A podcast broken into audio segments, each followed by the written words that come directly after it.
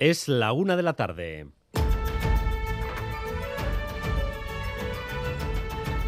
Crónica de Euskadi con Dani Álvarez.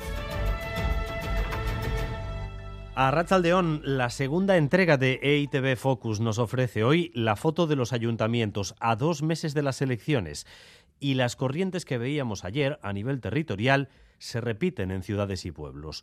Dominio del PNV en los núcleos más poblados, aunque seguirán siendo necesarios los pactos y la partida de ajedrez, que estará sobre todo en Pamplona y Manuel Manterola. En Bilbao, Donostia y Vitoria-Gasteiz el PNV se perfila como primera fuerza donde mejora resultados. En la capital alavesa, en cualquier caso, la carrera sigue siendo ajustada porque un puñado de votos podría suponer empate entre PNV y EH Bildu, que se sitúa como segunda fuerza, o entre EH Bildu y la tercera fuerza, el Partido Socialista. En Bilbao, Aburto se mantiene a un concejal de la mayoría absoluta y en Donostia, en Ecogoya, mantendría su distancia con respecto a un Juan Carlos Izaguirre que también mira hacia arriba. En Pamplona, el panorama está tan fragmentado como lo está ahora, o dicho de otro modo, el PSN volverá a decidir. Esta de los pactos se convierte de nuevo en la gran clave preelectoral.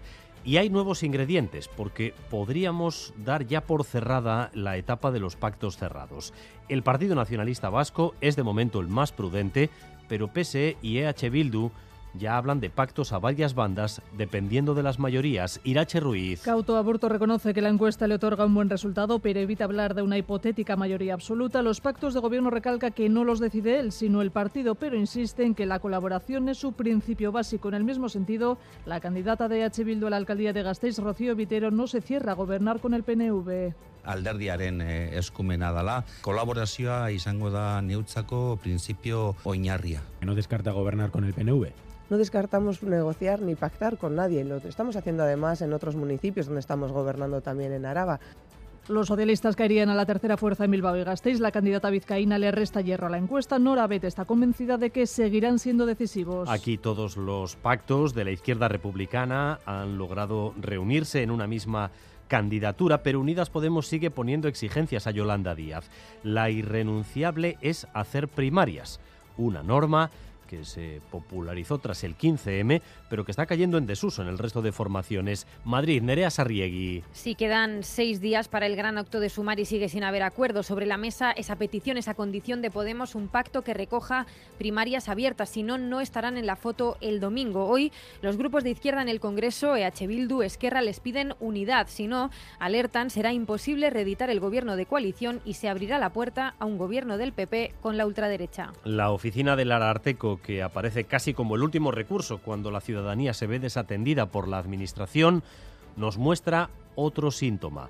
Aumentan de manera muy notable las quejas por la atención sanitaria. José Luis Fonseca. Sí, de las casi 13.000 actuaciones que lleva a cabo la institución del Arteco en 2022, casi la mitad de ellas tienen que ver con los derechos sociales, destacando las quejas relacionadas con la sanidad vasca, incrementos del más de 200% de quejas respecto al año anterior.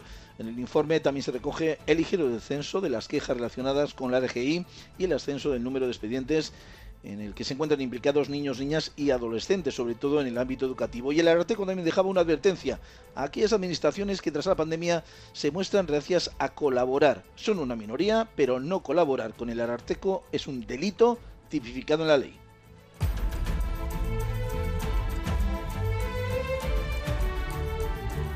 Además, esta mañana se ha celebrado la rueda de reconocimiento de los policías que participaron en la matanza de la bahía de Pasaya y no ha dado frutos para las víctimas.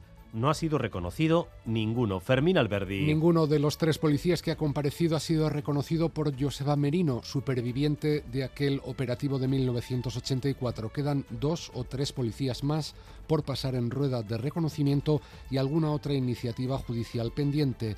Las familias claman por el reconocimiento institucional y político público y ser atendidas como lo son otras víctimas ante las evidencias de que en la bahía de Pasaya se produjo lo que el informe de la UPV definió la semana pasada como una ejecución extrajudicial. En la semana del 40 aniversario de Radio Euskadi, hoy hemos reunido a técnicos y periodistas que nos han explicado la evolución tecnológica desde la telefonía fija y las rudimentarias conexiones analógicas hasta las redes móviles actuales que permiten prácticamente cualquier cosa y en cualquier momento.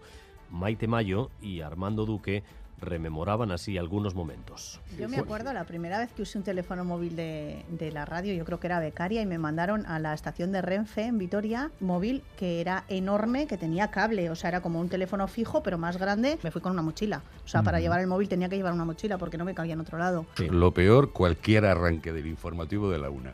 Eso es una locura. Daba igual. Yo me sentía como un portero. ¿Por dónde me la van a tirar? ¿Por el teléfono? ¿Por la línea?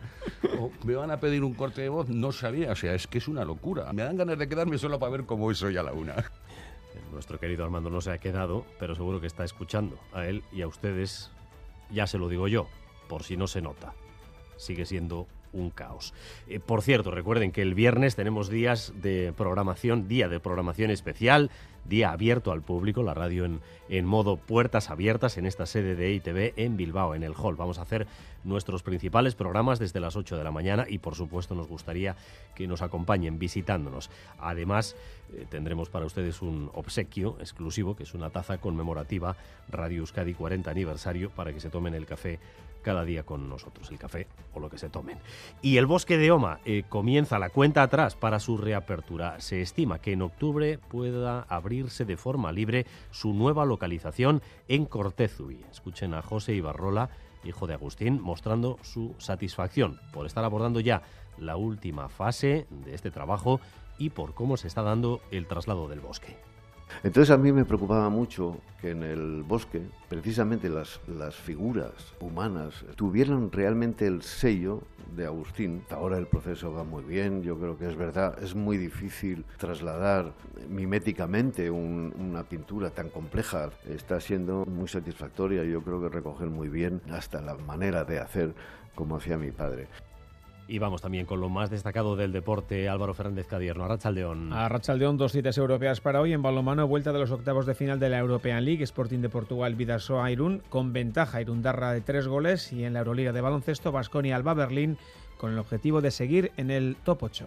Y en Gasteiz, varias facultades han tenido que ser desalojadas hace unos minutos porque durante una protesta parece ser que se han lanzado botes de humo a las aulas. ¿Qué está pasando, Rodrigo Manero? Pues al menos dos facultades, la de letras y la de farmacia y también el aulario de las Nieves han sido desalojados pasadas las 12 del mediodía. Según el Departamento de Seguridad, algunos estudiantes han lanzado botes de humo en su interior, lo que ha hecho saltar las alarmas de incendios. Una persona ha tenido que ser atendida por inhalación de humos y los edificios siguen desalojados a esta hora. El incidente podría estar relacionado con la huelga que Icasle Ha convocado para este jueves y para la que estaban repartiendo hoy precisamente panfletos en el campus Alaves.